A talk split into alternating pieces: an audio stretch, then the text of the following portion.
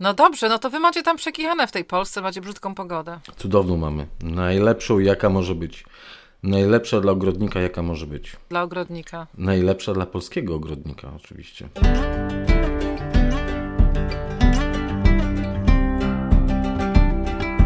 Naturalnie o ogrodach, odcinek 88.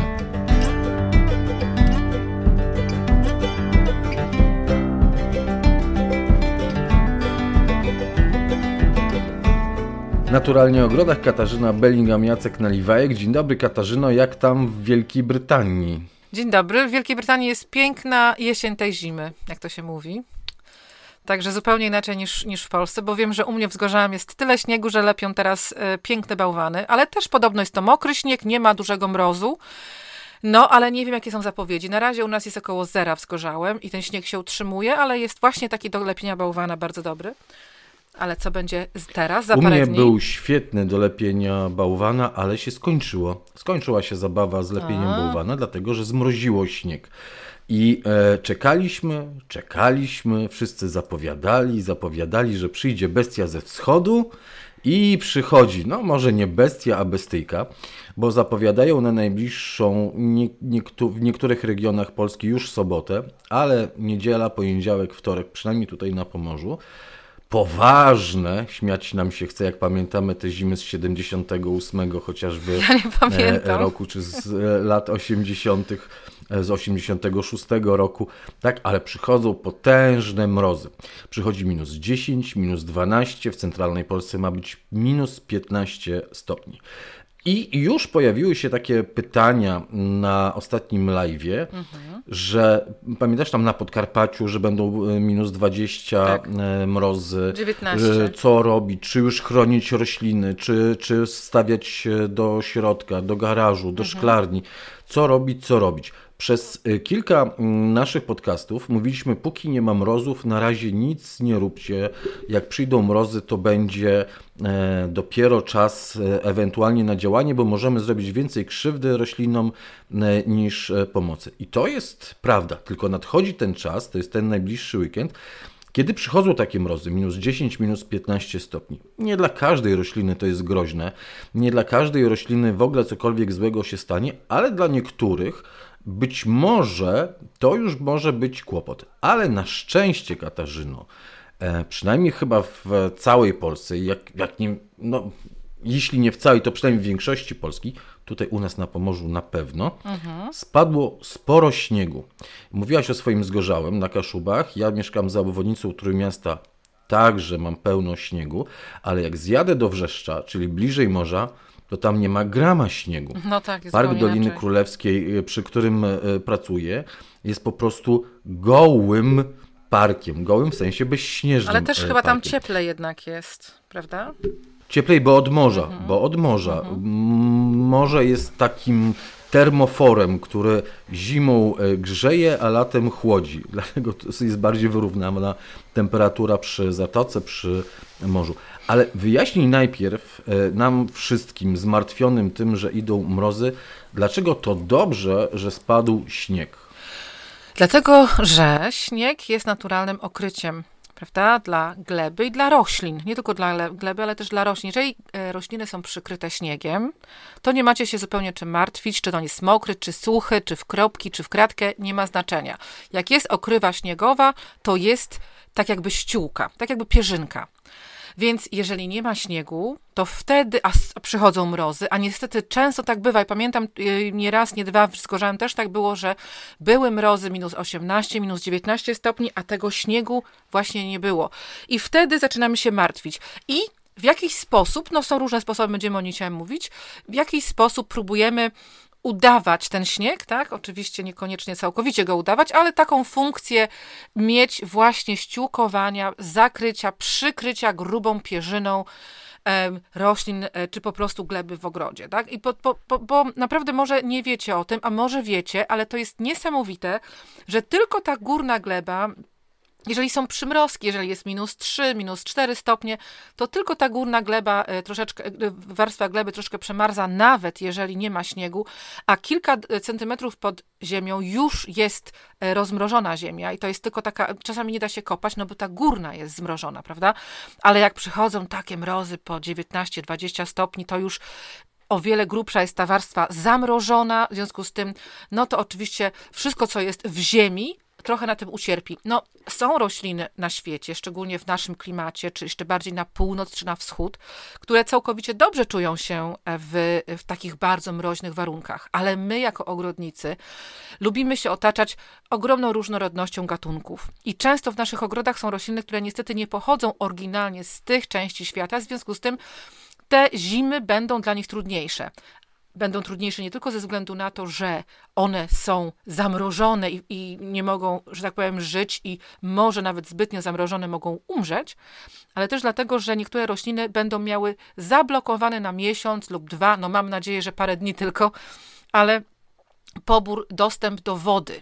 A wiele roślin zimozielonych, i które nie są z naszego, y, szczególnie te, które nie są z naszego tutaj klimatu, między innymi słynne tuje, one cierpią, jeżeli nie mają dopływu do, do, do, do, do, dostępu do wody, cierpią na taką tak zwaną fizjologiczną suszę. I to jest bardzo ważne, żeby o tym pamiętać. A to polega, a to polega na tym, że zmrożone e, korzenie nie pobierają wody, bo są w zmarzniętej glebie, a e, te zielone listki, które są jednak pełne wody, pomimo że e, zmarznięte, cały czas to się wydaje być trochę dziwne, ale parują mimo wszystko, nawet, nawet przy tych e, przymrozkach, oddają wilgoć na zewnątrz, e, czy wiatr je owieje, czy słoneczko zaświeci i tracą z tego zielonego, z tej olbrzymiej masy zielonej, no tych, nazwijmy to w cudzysłowie liści, E, wodę, mhm. a nie mogą jej e, pobrać e, z gleby, z korzeni i w ten sposób wyrównać bilans wodny w swoim organizmie. Tak. Przecudnym zielonym. I to jest właśnie, tak, tak, tak, to jest bardzo, bardzo złe, jeżeli jest mocna zima bez mrozu, bo to, y, przepraszam, bez śniegu, bo to jest podwójne, tak, to działanie. Po pierwsze, nie ma śniegu, który przykrywa rośliny i glebę i zabezpiecza przed e, negatywnym działaniem mrozu, a druga rzecz, że potem, jak już te mrozy zejdą, odejdą, nie będzie roztopów.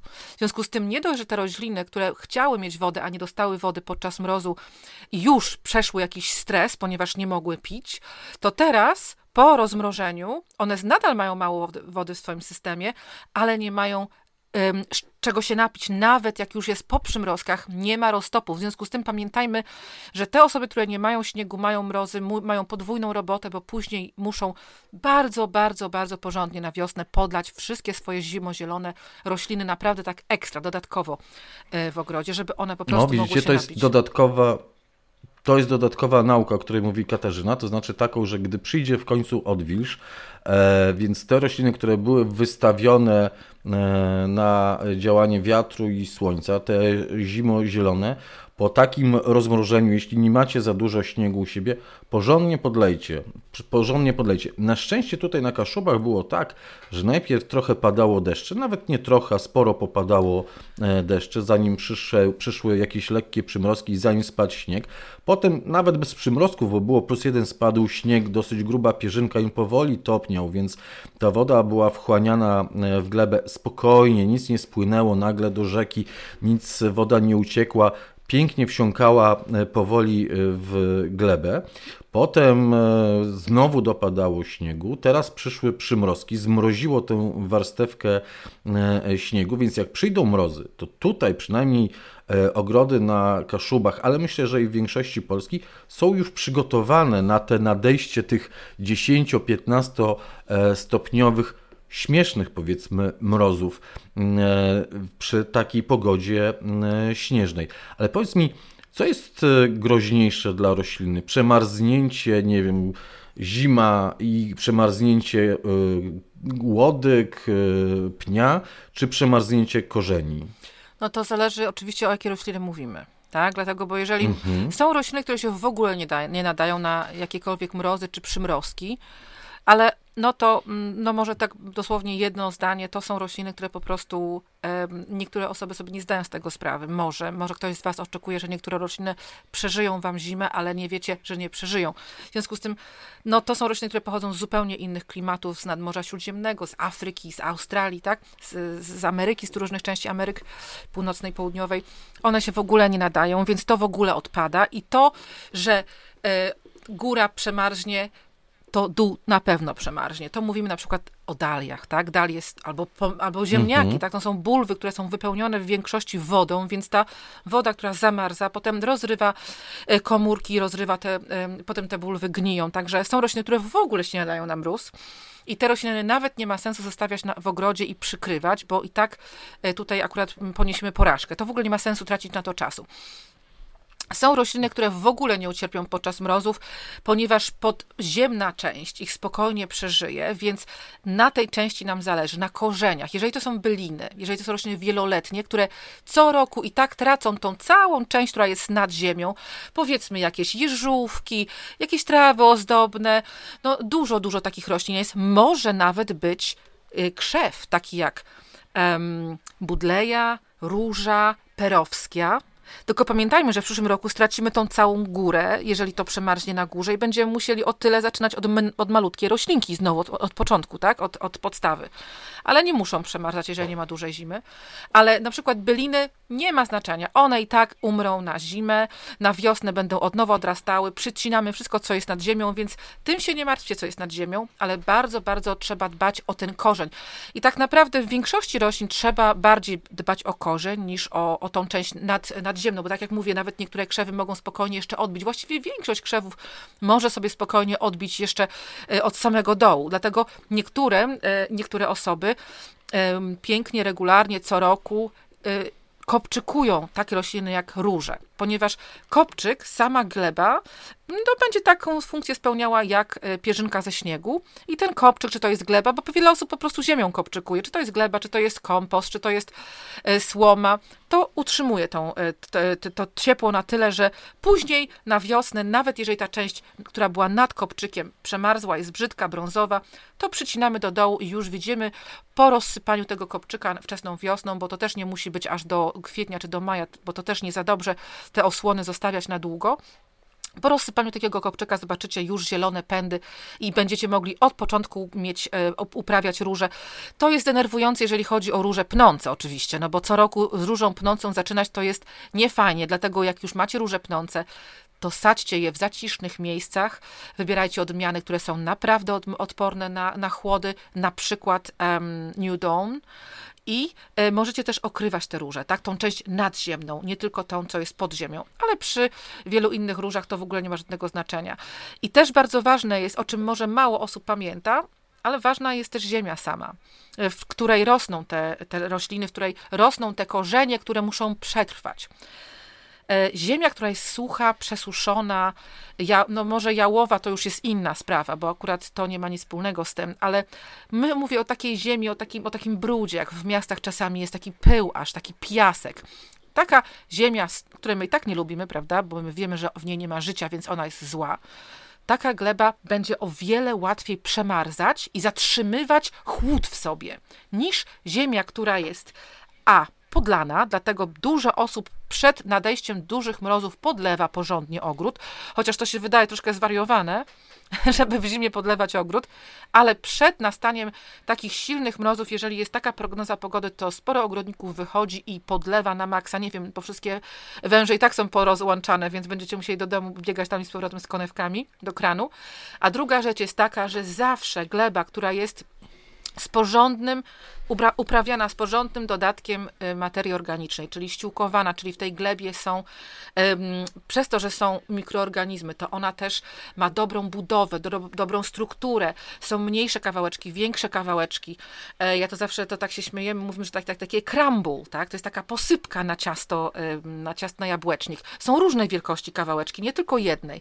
I wtedy tak, krambu. Ja wiem, ja wiem, ale ja się zdziwiłem, że z jabłkami, bo ja w ostatni weekend robiłem e, ten crumble, wiesz, e, na dół dałem czarną porzeczkę swoją mrożoną i z wierzchu posypkę. A, się też ja wolę jednak z czarnej porzeczki, bo jest taka cierpka. Mm. No, ja coś ze Ale to takie wspomnienie, dlatego się uśmiechnąłem. Katarzyna widzi moją, moją mimikę, ja widzę jej mimikę, stąd zobaczyła, że się e, tak po prostu trochę poruszyłem, jak wspomniała e, o tej mm, kruszonce na e, jabłkach. Nie, po prostu rozmarzyłem się swoim wspomnieniem z weekendu z mrożoną czarną porzeczką. Jeżeli chodzi o kruszonkę, to tak samo jak kruszonka glebowa jest wspaniała, tak i kruszonka z, z, z mąki masła i cukru jest wspaniała i smakuje właściwie na wszystkich e, warzywach, na warzywach, na wszystkich um, owocach łącznie z rabarbarem, z jabłkiem, ze śliwkami, z agrestem, ze wszystkim i oczywiście z tą czarną porzeczką. Teraz to ja też mi się zachciało. No dobra, ale wracając do gleby. Okej, okay, ale wracając do gleby, bo powiedziałaś o tym właśnie, że ta gleba taka nawieziona, żyzna, nawodniona jest super, super, e, bardzo fajna. Powiedziałaś o tej glebie e, takiej, ja bym nazwał ją trochę klepiskową, tak? Taką jak myśmy kiedyś na boisku grali, wydeptaną, wymęczoną, e, przetartą przez o małej e, trampki czy korki materii organicznej po prostu. Mhm, dokładnie tak, taką wykurzoną, e, ale e, nie powiedziałeś o glebie gliniastej. E, a mi z glebą gliniastą kojarzy się, no jest nawodniona, jest, jest wilgotna, ale ta gleba gliniasta potrafi wysadzić szczególnie te młode byliny, świeżo posadzone w, dany, w danym roku, które jeszcze mocno się nie zakorzeniły. Ten mróz, który tam wchodzi w tę glebę, po prostu no wiesz, woda pęcznieje, która jest w glebie, gleba pęcznieje i wysadza rośliny e, do góry. Tak jest, jak je chronić, jak je odpowiednio przygotować do tej zimy? No to trzeba zacząć od dobrej strony. Trzeba najpierw przygotować glebę. Nie ma co sadzić roślin do gleby, która jest do tego nieprzystosowana. Słuchajcie, jeżeli coś takiego się dzieje, to a tylko dlatego, że ta glina charakteryzuje się tym, że jej budowa właśnie jest taka, jakie nie powinno być crumble, o którym mówiliśmy. Te ym, cząsteczki, te agregaty są podobnych wielkości, w związku z tym tam nie ma miejsca, żeby ta woda gdzieś sobie mogła się, że tak powiem, zatrzymać, po, poczekać, tam oczywiście spulchnąć, bo ona jest zamrożona, ma mhm. większą objętość i dlatego to jest ten sam problem, ym, to, i to jest ten problem przy, przy glebie gliniastej, no, żeby rośliny nie wysadzało, to trzeba niestety tą glebę, jeżeli nie chcecie czekać 100 lat, i tylko i wyłącznie ją ściółkować i dopiero, jeżeli ta gleba jest naprawdę kiepska, no to nie wiem, to jak bardzo, bardzo wam zależy, może y, trzeba delikatnie wspulchnić ją przed, y, przed posadzeniem i na to, na tą wspulchnioną troszeczkę glebę rzucić, rzucić kompost, rzucić materię organiczną, ale musicie ją wzbogacić materią organiczną, bo jak ona jest bardzo przyklepana, to ta materia organiczna też znajdzie swoją drogę do środka tego, znaczy do środka, no nie do środka ziemi, tak, no nie, nie bez przesady, ale te kilka centymetrów centymetrów ważnych pod powierzchnią gleby, znajdzie swoją drogę też. Te mikroorganizmy ją tam wciągną, ale zajmie to może troszeczkę dłużej, chociaż wcale też nie bardzo długo. Dlatego jeżeli macie bardzo, bardzo przybitą glebę, na której chcecie sadzić rośliny, to warto chociażby wbić e, widły, poruszać do przodu, do tyłu, niekoniecznie przekopywać to wcale, nie mieszać, ale chociażby troszkę rozluźnić. Jakieś tam zawsze będą już korytarze dla tego, e, dla tej materii organicznej, żeby lepiej tam weszła do środka i na to rzucić. Ale jeżeli jeżeli, e, to znaczy to dla mnie to jest takie troszeczkę od, od tyłu, tak? Zajmowanie się roślinami, mhm. kiedy tak naprawdę ta gleba wcale nie nadaje się na te rośliny, ponieważ nie tylko one będą wysadzane w powietrze i w kosmos przez te mrozy, ale też e, one ogólnie nie będą za bardzo dobrze rosły, bo nie będą miały innych rzeczy potrzebnych do, do, do życia w tej glebie, tak? Bo bardzo ważna jest zawartość materii organicznej w glebie i wtedy będziecie mieli i pokarm, i elementy mineralne, i wszystko będzie ok. I wszyscy będą szczęśliwi, będą same imprezy. No dobrze, pani Katarzyna, ale jeżeli ktoś już posadził E, w taką glinę i wysadzi takie rośliny. Najczęściej to są, mm, jak e, mi się wydaje, trawy mogą być e, wysadzane. Czasami truskawki, jak są na złej glebie, co jest grzechem sadzić truskawki na złej glebie, ale młode sadzonki truskawek też potrafią być wysadzone. To potem, nie wiem, jak przychodzą przymrozki, pójść, przyklepać, sprawdzić jeszcze ratować te rośliny? To znaczy one już są wysadzone w tym momencie, czy nie? Jaki mamy scenariusz? Już są wysadzone. No idziemy, idziemy sprawdzić, wiesz co, znaczy przede wszystkim idziemy sprawdzić, jak przejdą mrozy, idziemy sprawdzić, co się stało mhm. z naszymi bylinami. Tak? I widzimy, ok, poszły do góry, wylazły. Może jeszcze te korzenie nie zamarzły, może jeszcze nie, nie zmroziły. Z powrotem wepchajmy ją w tę ziemię. Nie, uważam, że powinniśmy się sami wepchać do domu i przeczekać do wiosny. Ja, ja w ogóle nie jestem fanką robienia czegokolwiek na ani zmrożonej, ani na mokrej glebie. Także nie przejmujcie się y, takimi rzeczami. Poprawicie mhm. to później, kiedy naprawdę będzie już dobry czas, żeby wejść w ogóle na ogród, jak to się mówi. Naprawdę uwierzcie mi, ja, chociaż jest mi ciężko, ale u mnie w ogrodzie tutaj w Toadpool jest też bałagan, są góry i doliny, krety zrobiły mi jakieś dziwne landscape, jakiś dziwny krajobraz w, w warzywniku na ścieżce jeszcze te kury, zanim obcięłam im skrzydełka, bo już to zrobiłam, chciałam powiedzieć, jestem bardzo z siebie dumna. Gratuluję. Zrobiły mi totalną, tam naprawdę przekopały mi cały ogród i ja powiem wam, że mnie to po prostu skręca, ale nie wyjdę do tego ogrodu teraz, bo i chodząc po trawniku, który jest mokry, go niszczę. E, I chodząc po tym ogrodzie go niszczę, więc ja po prostu poczekam. Jedyne co to chodzę do kompostownika i do szklarni po sałaty jeszcze, a tak to naprawdę chociaż jest niełatwo, ale im tylko dłużej możecie, tym trzymajcie się off, czyli z daleka y, trawnika, i, i, już nie mówię o powierzchni rabat, tak, na których te rośliny, które są wysadzone w powietrze, rosną. Po prostu dajmy sobie na spokój, przecież one znowu, wsadzimy je, to one potem znowu wyjdą, jak znowu przyjdą kolejne przymrozki. Jeszcze przecież jest styczeń, więc może jeszcze w lutym być zimno, także poczekajmy i zanotujmy w swoim albo y, pałacu mentalnym, czyli swojej głowie, albo gdzieś w jakimś notesiku zapiszmy sobie, że byliśmy troszeczkę nie za mądrzy, że posadziliśmy roślinki do nieodpowiedniej gleby i potem nam wysadziło i potem mieliśmy stres i wszystko jest źle i musimy się poprawić. I to jest bardzo dobra lekcja. I ja też na, na, na podstawie takich lekcji się uczę swojego ogrodnictwa całe życie. I wyciągnijmy wnioski z tego doświadczenia, czyli e, zobaczmy, że nam wysadziło te byliny. To jest dosyć, e, może częsty przypadek nie, ale często zdarzający się w ogrodach właśnie o takiej gliniastej glebie, że coś nam wysadzi, szczególnie byliny sadzone jesienią wysadza, bo one nie zdążą się zakorzenić, one nie zdążą na tyle dobrze rozrosnąć, nie, nie zdąży się im rozrosnąć system korzeniowy, Dokładnie. żeby mhm. trzymać się mocno w tej glebie, prawda? E, szczególnie właśnie te mm, byliny czy rośliny, trawy sadzone jesienią. Wiosną już łatwiej, bo przez całe lato uda im się trochę e, przytrzymać, e, rozbudować ten system korzeniowy, żeby potem się przytrzymać. Tak jest. Kasiu, a po czym można poznać, że roślina jest zmrożona, że róża jest przemrożona, że już się nie będzie nadawało, że jakaś budleja jest przemrożona, że perowska jest no, przemrożona, że hortensja jest to, przemrożona? To mhm. niestety to nie jest tak, że od razu, słuchajcie, zobaczycie, ponieważ w czasie, kiedy jest ten mróz, i to też jest ciekawostka, nawet ja ostatnio tutaj troszkę zaczęłam, próbuję zrobić vloga kolejnego, ale jakoś mi to nie wychodzi, bo ciągle nie ma czasu, ale y, kręciłam u siebie w szklarni sałaty i był naprawdę mocny przymrozek, było z minus 4 stopnie. Moja szklarnia nie jest ogrzewana, jak wiecie, i te sałaty wyglądały, no po prostu kaplica. I sałaty, i szpinak, wszystko wyglądało, że jest koniec, pozamiatane. I ja po prostu wiedziałam, Takie że... Takie klapnięte były Ale bardzo, prostu, nie było prawda? Jak łóżko u misia uszatka. Przepraszam, nie tylko klapnięte, ale one mają inny kolor liści. Moim zdaniem one mają inny kolor liścia, taki ciemniejszy się troszeczkę robi. Ciemniejszy. I na roślinach, mhm. na przykład pelargoniach, jeżeli też by były w szklarni, to ten ciemniejszy kolor już nie, niestety nie wraca do normalnego koloru. I ten ciemniejszy kolor oznacza, że niestety ta roślina została przemrożona na daliach. Nie wiem, czy pamiętacie, jak przychodzą przymrozki na cynie, na dalie, te wszystkie rośliny właśnie ciemnieją. No dlatego, że po prostu umierają chlorofil, to wszystko idzie kaput na cmentarz. Przepraszam, i to już nie powróci do życia, ale te sałaty, te szpinaki, to jest niesamowite. Rośliny mają zdolności do powrotu. I teraz już są tutaj temperatury w Anglii około zera, około jednego stopnia, nie ma śniegu i ja spokojnie sobie te, te sałaty zbieram, zresztą inne warzywa też w ogrodzie. Teraz jest, jest kapustne rośliny, zupełnie nie mają problemu z przymrozkami, przymrozkami. Ja mówię przymrozki naprawdę minus 5, minus 6 stopni. To już są mrozy właściwie, prawda? To nie jest tak, taki przymrozek. Mhm.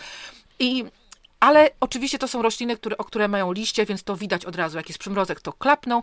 Potem jak przychodzi odwilż, to one znowu powstają. Tylko pamiętajcie, jak już jesteśmy przy sałatach, nie polecam, e, ja wiem, widziałam ostatnio, że Charles Dowding to robił i nie wiem, czy on miał sukces, bo ja to zrobiłam wcześniej kiedyś i nie miałam sukcesu. On mówił, że można spokojnie zbierać na przykład jakieś rośliny w ogrodzie i po prostu zostawić je w domu do rozmrożenia. Brukselka, por, um, chociażby te sałaty, szpinak. Powiem wam szczerze, że ja często jak zebrałam u siebie wzgorzałem zamrożone, mocno zamrożone warzywa i przyniosłam do domu, to w takim szybkim rozmrażaniu się w kuchni one bardzo dużo, duża część ich gniła. To nie jest dobry sposób rozmrażania. Lepszy sposób rozmrażania jest niestety poczekać, aż będzie odwilż, co czasami się nie zdarza, tak? Czasami nie ma takiej, te, takiego, e, takiego czegoś, no ale po prostu nie zdziwcie się, jak przyniesiecie do domu taką zamrożoną sałatę, a ona wcale się nie rozmrosi, tylko ona już do, ostatecznie klapnie i umrze, tak? To jest bardzo ważne. Ale i to są rośliny takie zielone, które mają liście, to szybko widać, że one się zamroziły, że się rozmroziły i koniec, nie ma problemu. Ale przy takich roślinach, Jacku, jak wspominasz, czy to jest e, krzew, na przykład hortensja, czy budleja, czy róża, to niestety, ale nie wychodzi tak od razu. To z sałatą mhm. wiemy w przeciągu jednego dnia. Rano jest przymrozek, wieczorem jest odwilż i już widać, że sałata jest ok, przeżyła.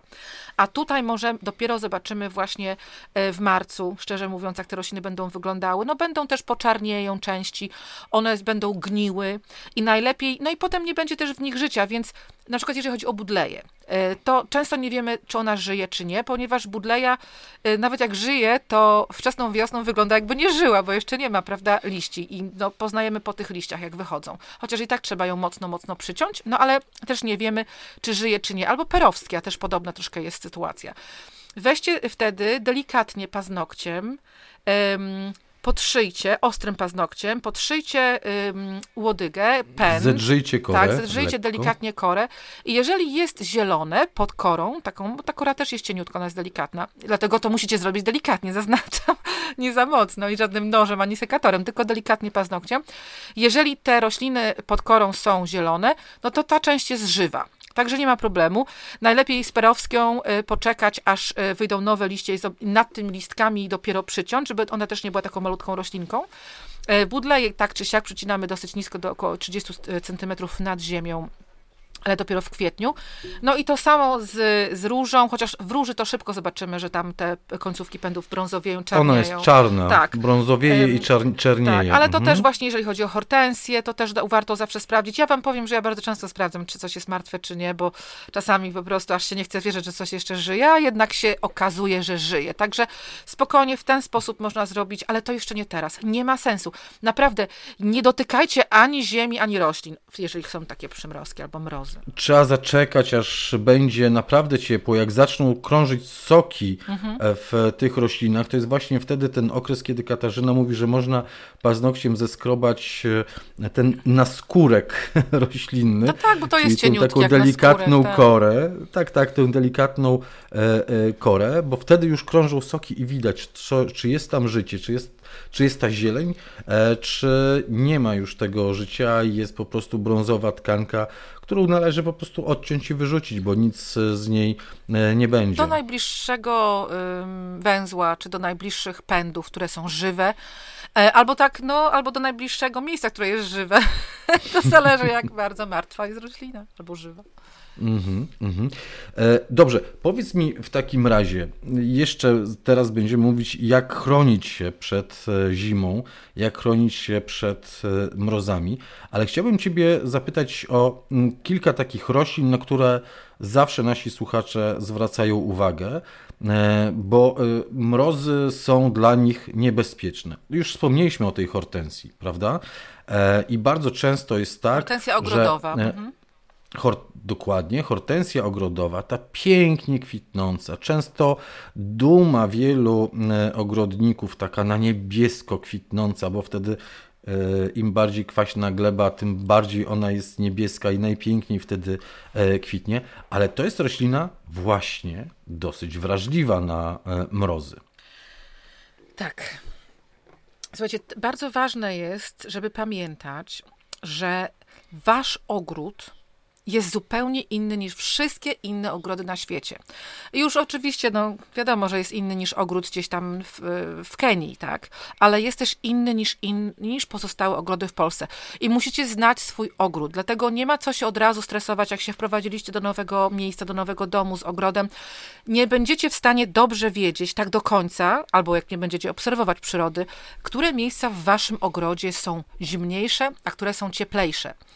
I według tego musicie rozplanować to, gdzie, co gdzie posadzicie, bo tak jak Jacek mówi, niektóre rośliny są tak jakby na granicy, że mogą przetrwać w Polsce albo mogą nie przetrwać w Polsce. I w wielu ogrodach w Polsce oczywiście przeżywają spokojnie hortensje ogrodowe, szczególnie na północy u nas, nad morzem, na Helu to jest hortensjowy raj przecież.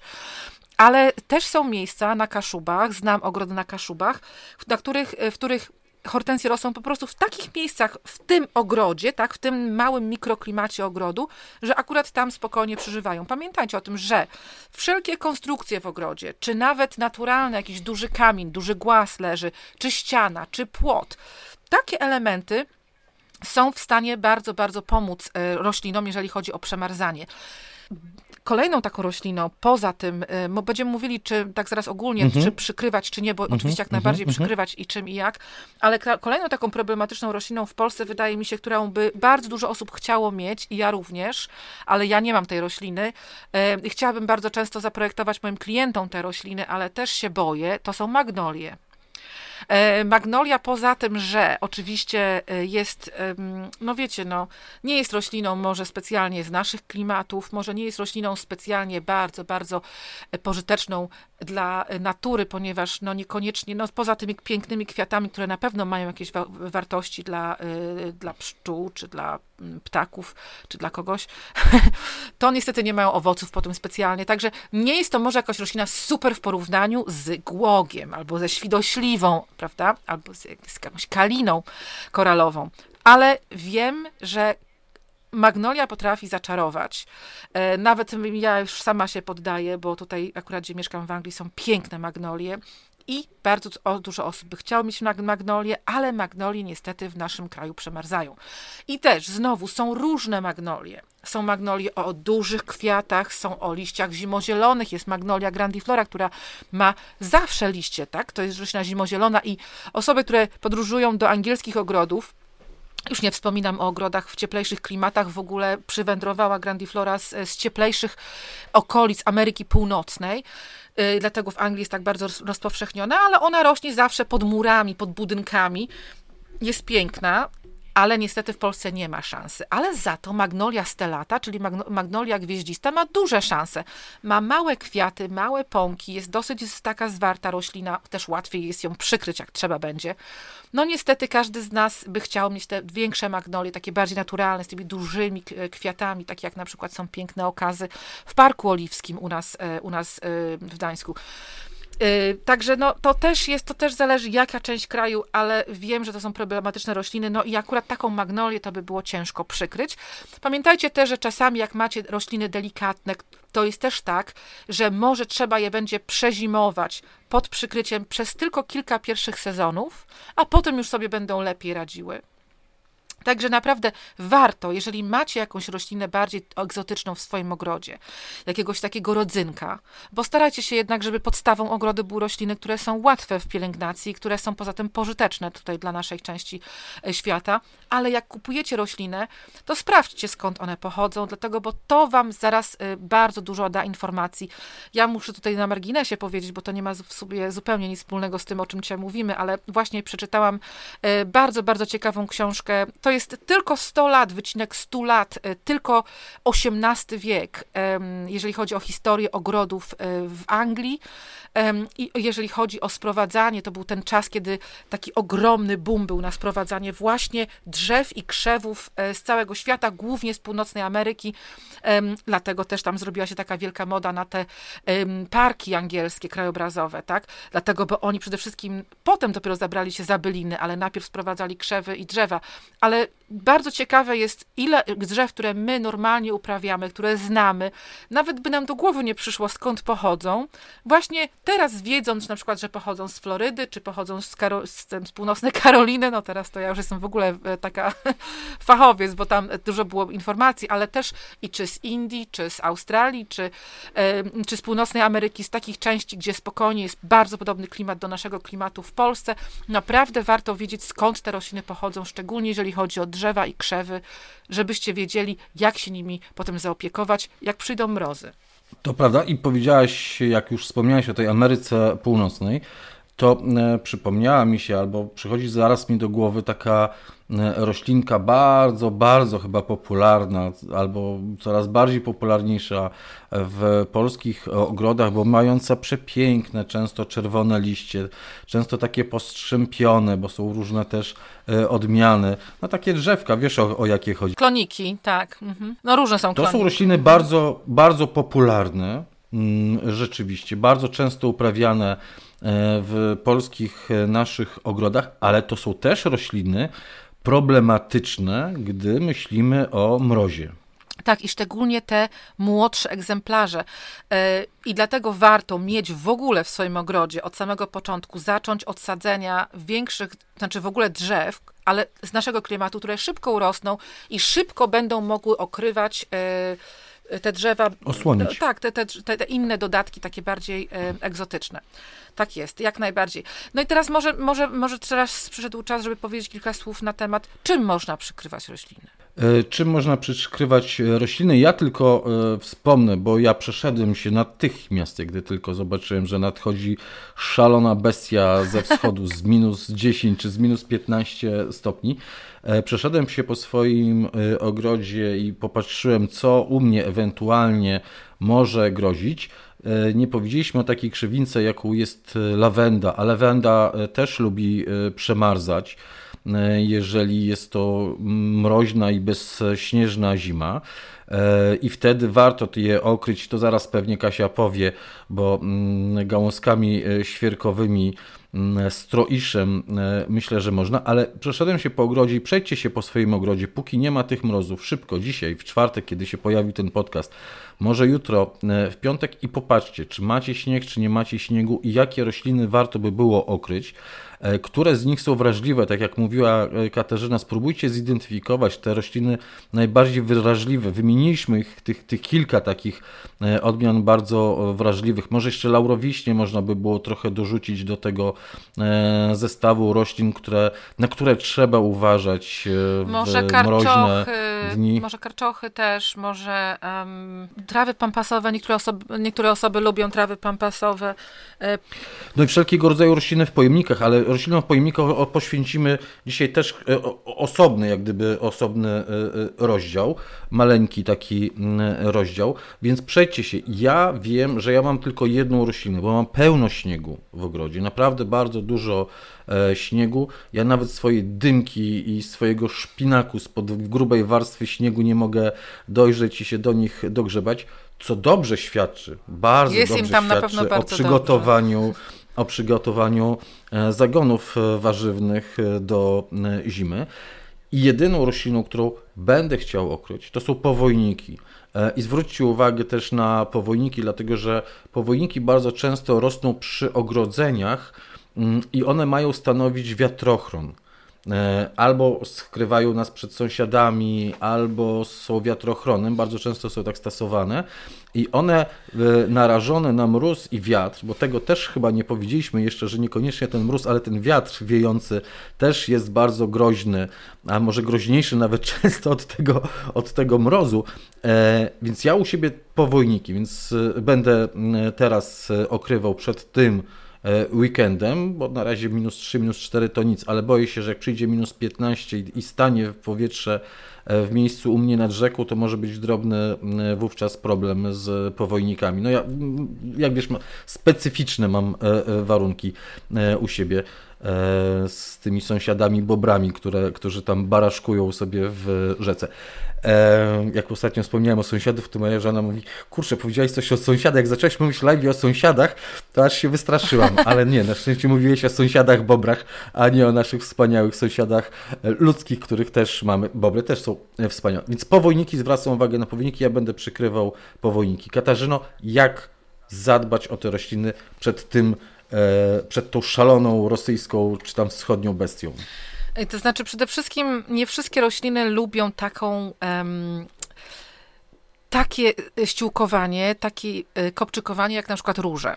Róże spokojnie mogą przeżyć to, że przysypiecie je ziemią. Byleby nie wybierać tej ziemi spod korzeni róży, obsypując, obsypując łodyżkę, tak? Także też uważajcie, żeby nie, od, nie odgarniać tej ziemi z, z, bardzo bliskiej odległości y, róży, czyli nie zabierać spod korzeni i usypując taki wąski ko, kopczyk y, przy łodydze, nie, no, najlepiej nie o to by chodzi. Było, najlepiej by było nic nie, y, w ogóle nie usuwać dookoła róży, tylko dodać, przynieść w worku, czy w, tak, czy, czy w, w, w w taczce przywieźć troszkę y, przekompostowane jakieś materii organicznej. W ostateczności, ja nawet, no już ostateczności, ale to nie powinnam tego mówić, jakaś ziemia z worków, ale no na przykład jak w ogrodzie kaszubskim, prawda, u nas w Kościerzynie, tam można, możecie kupić świetny kompost, taki w workach normalnie jak podłoże, coś takiego by było najlepiej. Ale nie wszystkie rośliny lubią mieć tak ciężkie podłoże na zimę. Na przykład wspomniane lawendy, y, trawy pampasowe, y, karczochy. Słuchajcie, to są wszystko rośliny, o których teraz mówimy, które, znaczy te trzy, o których teraz mówiłam, które są z takich klimatów, gdzie mają raczej sucho. I one lubią mieć sucho. Oczywiście nie lubią mieć całkowitej suszy, ale wolą już mieć suszę niż mokre. I wtedy jest większa szansa na przeżycie. Ja na przykład myślę, że tam, gdzie są ziemie E, gleby takie fajne, o których mówiłam wcześniej w, w dzisiejszym podcaście, takie porząd, z porządną zawartością tej, tej, tej całej masy organicznej, takie ziemie e, tłuste, że tak powiem, albo ziemie e, piaszczyste, chociaż one przemarzają, one jednak będą lepsze zawsze dla lawendy niż właśnie takie ziemie ciężkie, które przemoczone. Mhm. Pamiętajcie o tym. I jeżeli chcecie przykryć te rośliny, to właśnie musicie je przykryć nie tylko od mrozu, ale też od mokrego tak? No bo jak będzie, będą też nie tylko będą się roztapiały śniegi, będą może padał deszcz, może będą takie warunki mokre, również atmosferyczne i potem ta ściółka nasiąknie i te rośliny będą e, przemoczone i one zgniją. Dlatego naprawdę niektóre rośliny, takie jak lawenda, chociaż lawenda jest rośliną zimozieloną, Także lawendę prawdopodobnie i inne rośliny zimozielone, które chcecie przykryć na zimę, to można zastanowić się nad białą agrowłókniną, ponieważ one potrzebują mieć nadal dostępu do światła, bo one cały czas fotosyntezują, tak? Ale białą, taką, y, y, wiecie, lekką, e, żeby mm, nie była ta e, agrowłóknina za gruba, bo ona ma dostarczać troszeczkę e, światła mimo wszystko. Ma jak najwięcej światła e, dostarczać, a to ma być cienka warstwa, z której stworzymy taką, no, taką dodatkową pierzynkę, taką dodatkową warstwę osłaniającą przed mrozem, Wiatrem. palącym słońcem, mhm. jak się trafi no. i przed wiatrem. Mhm. Tak jest, także zim, ro, zimą rośliny zimą zielone najlepiej okryć ag, białą, cienką agrowłókniną. Um, albo rośliny, które nie są zimozielone, które, czyli ta część nadziemna albo traci liście z gałęzi, albo w ogóle gałęzi nie ma, bo to jest roślina zielna, na przykład karczoch i to wszystko umiera aż do gleby. Wtedy e, warto po prostu całą górę tej rośliny przykryć e, jakimś suchym materiałem, albo liśćmi, albo słomą, albo takim no, lekkim kompostem, bym powiedziała, bardzo lekkim, raczej obornikiem, to gdyby była ogromna zawartość e, słomy w nim, to mo, czy tam siana, to się tam nazywa, to jeszcze, Słoma. słomy, to jeszcze okej, okay, ale pamiętajcie o tym, żeby to nie było za mokre i warto to przykryć, może to nie będzie wyglądało zbyt mm, pięknie, ale to wtedy warto przykryć jeszcze um, od góry czymś, co jest wodoodporne. No niestety to jest plastik, więc to będzie brzydkie, jak nie wiem, ale dobrze by było, żeby to się nie namaczało, tak? E, ta, ta, ta cała konstrukcja. Fajnie wyglądają um, Omówiliśmy też podczas live'u poniedziałkowego. Fajnie wyglądają takie konstrukcje. Bierze się po prostu siatkę. Może być to taka siatka leśna na, na sarny, taka, takie ma kwadratowe oka, duże, albo y, niekoniecznie, albo prostokątne. I z takiej siatki. Albo resztki siatki ogrodzeniowej, które wam tak. zostały, tak. albo jakiejś innej siatki, często są takie siatki e, plastikowe albo heksagonalne, metalowe, plastikowe, różnego rodzaju takie, chodzi o stworzenie takiego przewiewnego otoczenia, przewiewnego walca, do którego E, po prostu napychamy słomy. Tak, musicie zrobić walec w zależności oczywiście y, od wielkości rośliny, którą okrywacie. Czy to jest karczoch, czy to jest budleja, czy to jest y, może magnolia. E, nie za wielka, oczywiście, bo będziecie mieli wielki walec w ogrodzie. E, także musicie sobie ten walec zrobić koło dookoła roślinki zrobicie, y, potem go zabezpieczacie do ziemi jakimiś śledziami, że tak powiem, no bo to chyba śledzie takie jak do jakiś kołki, jakieś, albo śledzie. jak do namiotu, Namiotowe. dokładnie. I do środka tego ładujecie albo liście, mogą być liście jak najbardziej, bo to też jest sucha, fajna, y, fajny materiał, albo... Ale właśnie powiedziałeś suche liście, tak, suche, suche liście. liście. Nie, nie takie mhm. mokre, a suche liście. Mhm. Albo słomę, słomę, tak dobrze mówię. I to, my to potem jeszcze zgorzałam, jak były takie mocne, mocne mrozy, to żeśmy to jeszcze właśnie nakrywali plastikiem, żeby to jeszcze się nie przemakało. Także no, to, są Mhm. takie, to są takie metody, jeżeli chodzi o rośliny, które są, że tak powiem, sobie rosną same ze sobą. Rośliny, które rosną na czymś, na przykład, tak jak mówiłeś, Jacku, twoje... Ale em, chwilę, Kasiu, czy te walce na przykład można zastosować? Wydaje się być y, y, odpowiedź twierdząca. Na e, te klony palmowe, na te e, hortensje ogrodowe? Jak najbardziej, tylko klony palmowe, to ja w ogóle życzę powodzenia wszystkim z klonami palmowymi. Okej, Katarzyno, nie spieraj się z faktami. Ludzie mają to w ogrodzie. No jak mają, to bardzo dobrze. To nie wiem, jak one cię robią, że oni to mają w ogrodzie, bo ja bym nie miała, mi by zmarzły. Nawet, słuchajcie, ja się tak śmieję, bo to nawet nie chodzi o Polskę. Anglii też ludziom jest ciężko utrzymać, ale to bardziej te kloniki japońskie. Mhm. No tutaj klony, klony palmowe. Nie, no to nie wiem, czy takie klony, to raczej te mniejsze, prawda? To te młodsze No egzemplarze. mniejsze, tak. mniejsze, Znaczy mniejsze. w ogóle młodsze egzemplarze. Miniaturowe e, drzewka bardzo często, tak? No i oczywiście, i oczywiście tą koronę będzie wam ciężko okryć, więc możecie po prostu okryć e, pnie, tak, tak najwyżej się da, no bo wiadomo, że to potem z pni też mogą ewentualnie e, wybić kolejne e, gałęzie, tak, kolejne konary, żeby to drzewo znowu się od, od znowu odrosło. Myśmy w pierwszym roku y, tam, mm, Jacku, wiesz, u mnie na, y, w ogrodzie na płocie rosną rozpięte drzewka owocowe. Tam są jab- Mhm. jabłonie i grusze. I te drzewka w pierwszym roku, bo one, y, no nie wiem czemu, one były w Polsce kupowane, ale one były sadzone jako jednoroczne drzewka. One były przykrywane na zimę, bo byliśmy bardzo, bardzo mocny mróz. I nawet gdzieś ostatnio zdjęcie znalazłam. Jeszcze nie było ogrodu ziołowego pod spodem, pod tym, pod tym płotem, tylko te drzewka sobie po prostu były przykryte właśnie w ten sposób, takimi walcami były zakryte. No, ale to mówisz o młodych e, drzewach e, owocowych, Mhm. które te młode gałązki świeżo puściły, kiedy e, groziło tym młodym, cienkim gałązkom owocowym przemarznięcie. Zresztą, wiesz, to nawet nie musiały być prowadzone przy murze, bo w wielu przypadkach te młode drzewka świeżo owoco, e, posadzone, owocowe, E, tak, to także jest, jest istotne, żeby chronić te drzewa owocowe to, a, i system korzeniowy przede wszystkim w tych drzewkach i miejsce szczepienia, żeby chronić, przy, jak przychodzą bardzo silne e, mrozy, bo to jest takie bardzo wrażliwe miejsca. Podkładka i e, pęd e, główny i to miejsce szczepienia.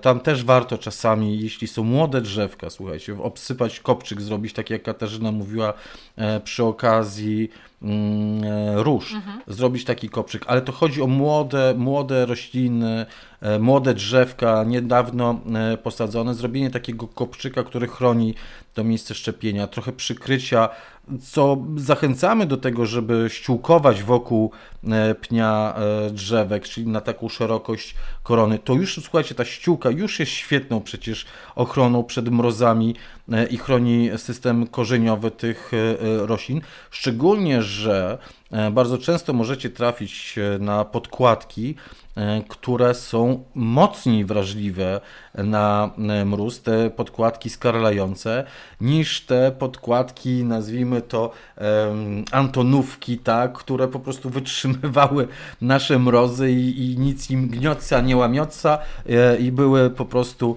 e, jak e, ten stachanowiec odporne na Żadna wszystko, bestia nie? im nie strachnioca. żadna bestia ze wschodu, dlatego używam tych wszystkich rosyjskich porównań, e, im e, nie, nie groziła. Więc to, to kwestia. Ale także potrafią przemarznąć te młode gałązki, ale to wtedy wiosną, wiecie, zdrapujemy, patrzymy, Przecinamy, nie ma problemu wówczas. Bawimy się e, w zdrabki. Okej, to y, przykrywamy te wrażliwe rośliny. Katarzyna już powiedziała o tych walcach ze słomą, powiedziała o przykrywaniu agrowłókniną.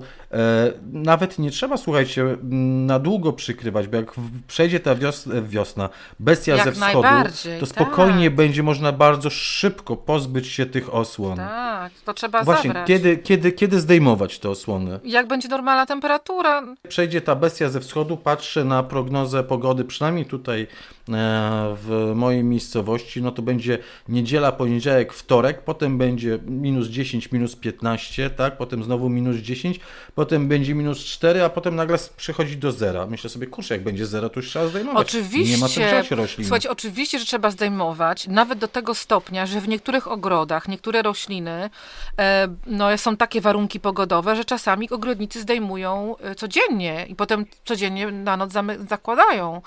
Także to nie jest tak, że wiecie, jak chcecie mieć jakąś wyfikaną roślinę, to musicie się ekstra starać o nią. Tak, tak. Tak, tak. Dobrze, to Katarzyno, to jeszcze e, chwila poświęćmy roślinom e, w donicach, roślinom w pojemnikach.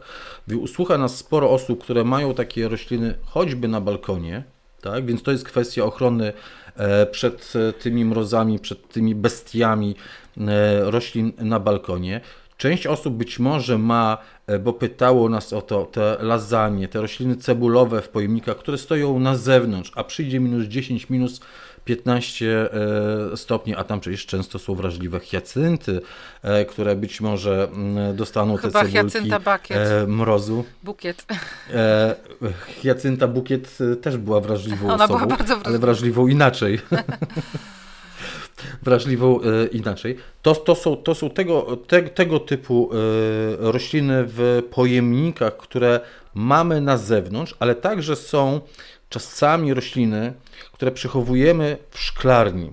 Ja na przykład przechowuję w szklarni e, u siebie w donicy. Wydaje się roślinę mało odporną na mróz, chociaż to jest e, mylne pojęcie, czyli rozmaryn. No wiedziałam, że to powiesz. Czy tak czytelny jestem? Nie, ale tak mi podejrzewam. No i co z tym rozmarynem, bo, bo, bo ja mam w tunelu. Okej, i pytam ciebie, okej, pytam ciebie, powiedz, co teraz mamy robić z roślinami w e, pojemnikach, rośliny e, z roślinami w donicach, które utrzymujemy na zewnątrz, a potem dojść do tego rozmarynu na koniec. A kiedy mają te mrozy być w ogóle? Bo zaczęłam się teraz już martwić o mój rozmaryn. Niedziela, No poniedziałek, Dobrze. wtorek, A. minus 10, minus 15, minus 10. Żadne mrozy. Przede wszystkim, jeżeli chodzi o roślinki em, na zewnątrz, to znowu wracam do tego, że jedno zewnątrz drugiemu zewnątrz nie jest równe, tak? Także na przykład na balkonie to jest naprawdę mocno zewnątrz, niemniej jednak zaraz pod samą ścianą będzie tym roślinkom troszkę lepiej. Jeżeli jeszcze w dodatku odetniemy je w jakiś sposób, na przykład przez postawienie na styropianie czy na desce, czymś, co nie, nie przewodzi tego mrozu zimna z betonu albo z metalu, z którego zrobiony jest dom, no chyba, że macie y, taras e, zrobiony na balkonie, na przykład z drewna, no to już jest co innego, prawda?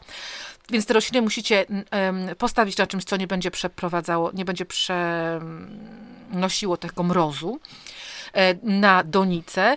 Po drugie, jeżeli możecie, to bardzo, bardzo porządnie je otulcie właśnie albo agrowłókniną, albo swetrem e, wełnianym, albo ręcznikiem, albo e, czymkolwiek, Kocem. albo kocem, albo e, no, no słuchajcie, no, no cokolwiek zawsze, tak, zawsze to pomoże, a górę, bo tutaj mówimy o donicy, więc o Ale mówimy o owinięcie, Tak. owinięcie donicy, te koce, te ręczniki, To te na szlafroki, donicę, te, pierzyny. te wszystkie e, pierzyny, szmaty, kołdry, wszystko. To chodzi o osłonięcie e, donicy. Tak, tej bryły Bo korzeniowej, mhm. to jest właśnie to, co Katarzyna e, odpowiadała na moje pytanie. Co jest groźniejsze? Przemarznięcie tej części nadziemnej czy części podziemnej? Na razie mówimy o ochronie tej części podziemnej, czyli tej, Tak. tej, tego, co się znajduje w donicy, Tak, systemu musicie, korzeniowego. tutaj trzeba się jak najbardziej właśnie na tym skoncentrować. Tak jak mówię, przytulić do ściany, znaczy najpierw otulić czymś, przytulić do ściany, zdjąć z, z betonu, czy tam z metalu jeszcze gorzej.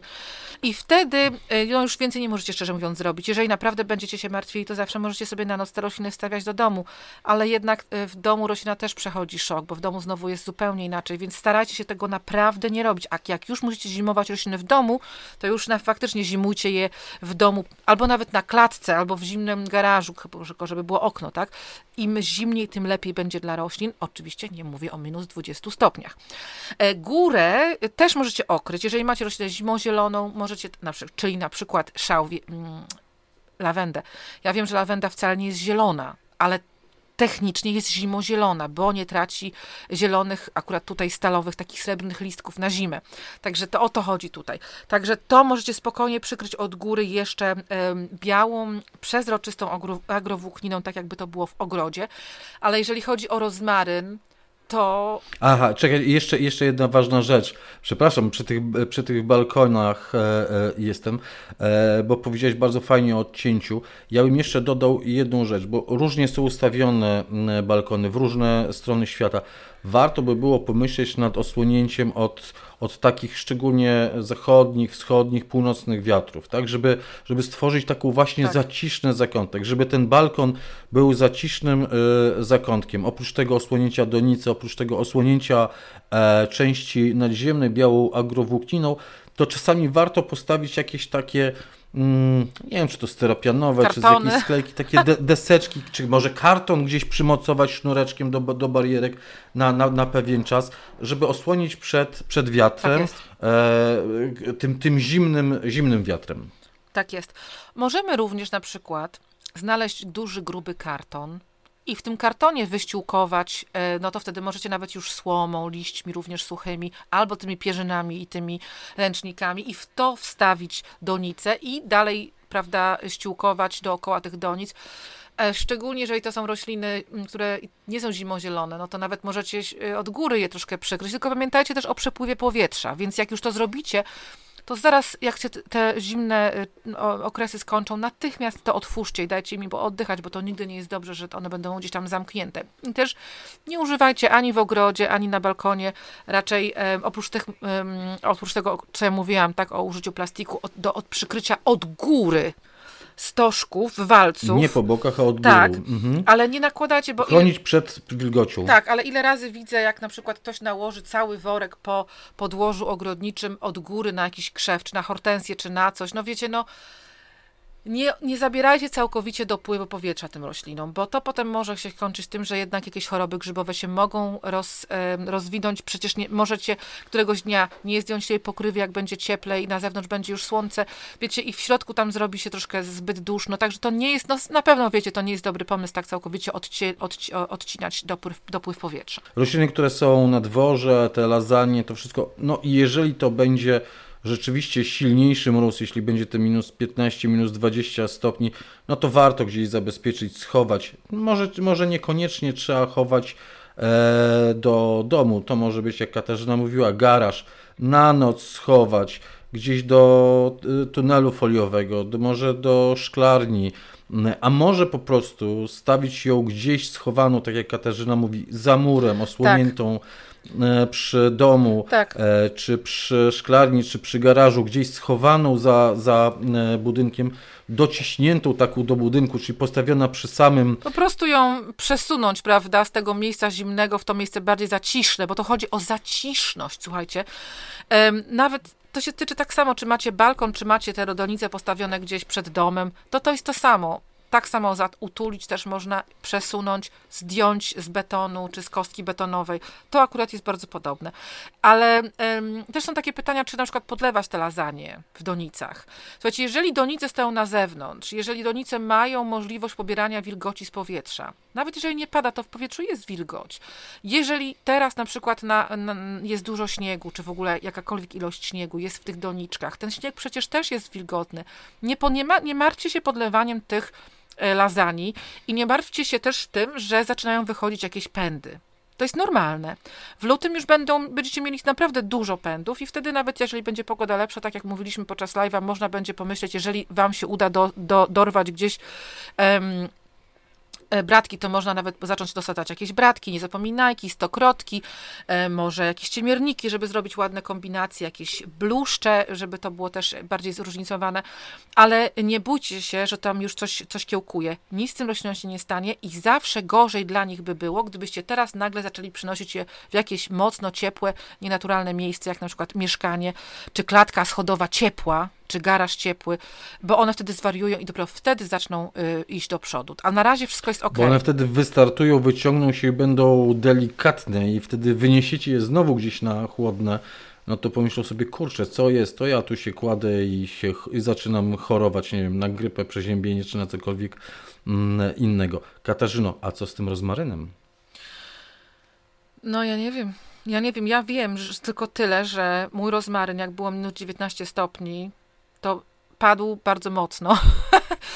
Po rozmarynie akurat zobaczycie bardzo szybko, że już, jeżeli rozmaryn, jeżeli liście rozmarynu, te zielone listki rozmarynu, takie igiełkowate, jeżeli one poczarnieją, pociemnieją, to możecie już zapomnieć. To znaczy, że on jest przemarznięty i już nic z niego dobrego nie będzie. Ja będę e, tutaj rozmawiała z moimi pomocnikami Y, którzy przed weekendem będą musieli mi mój rozmaryn, który jest zadołowany w tunelu, przykryć um, agrowłókniną i mam nadzieję, że to wystarczy. Kasia ma nadzieję, że to wystarczy. Mój rozmaryn e, ze szklarni nieogrzewany, ja go nie będę okrywał, po prostu na te trzy dni trafi do chłodnego e, garażu. Nic mu się tak. przez te trzy dni nie stanie, a potem, gdy zejdą te minus 10, minus 15, wróci z powrotem do szklarni bo nam się wydaje, że rozmaryn to jest taka ciepłolubna roślina, która kojarzy nam się z takim gorącym słońcem i wszystkim.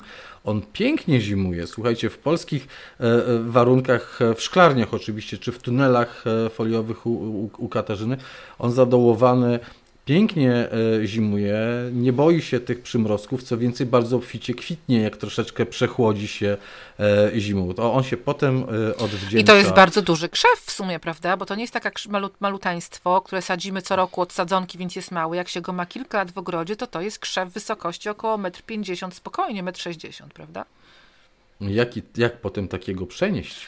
Do szklarni. No przyciąć niestety trzeba. Jak go zadołować, jak go potem Niestety trzeba zadołować. przyciąć. No wiadomo, że to też troszeczkę potem y, hamuje, ale to, co się przytnie, to zawsze można użyć albo do zrobienia pięknego wianka zimozielonego, jesienią, zimą, y, takiego ziołowego na okno w kuchni i potem sobie skubać kawałki do, do potraw, albo po prostu zasuszyć, ale najlepiej poszatkować najpierw, pociąć na kawałeczki, zanim się zasuszy i potem dodawać na przykład do pieczonych ziemniaczków albo do pieczonej dyni. O. Mm. Słuchajcie, no nie byłby to nasz podcast, gdyby któreś z nas nie wspomniało o ziemniaczkach. Chociażby na samo zakończenie. No to prawda. To prawda. Ziemniaczki to zawsze to jest. To powinno być nie naturalnie o ogrodach, tylko naturalnie o ziemniaczkach. E, naturalnie o ogrodach i ziemniakach. Katarzyna Bellingham, Jacek Naliwejek, dziękujemy Wam bardzo serdecznie. Życzymy, żeby ta bestia ze wschodu nie poczyniła żadnych szkód w Waszym ogrodzie, oby po prostu ona przeszła bokiem, oby się meteorolodzy mylili i żeby było tam minus 5, może minus 10, no minus 19, tak jak pisali nasi e, słuchacze z Podkarpacia, że tam im grozi minus 19 no, tam jest minus 20 klimat, stopni. Tak, tam może to już być. by było rzeczywiście e, pewnym e, kłopotem dla e, ogrodników. Katarzyna mówi, że nasza pogoda w Polsce to nie jest pogoda dla ogrodników, jak ten śnieg spadł. Nie, to jest super pogoda. Ja się bardzo cieszę, że spadło dużo śniegu, że najpierw padało na wilżłą glebę, potem spadł śnieg. Teraz mam taką pierzynkę, że żadna bestia ze wschodu mi nie zaszkodzi. Może przychodzić nie wiem jaka bestia. Śnieg jest super.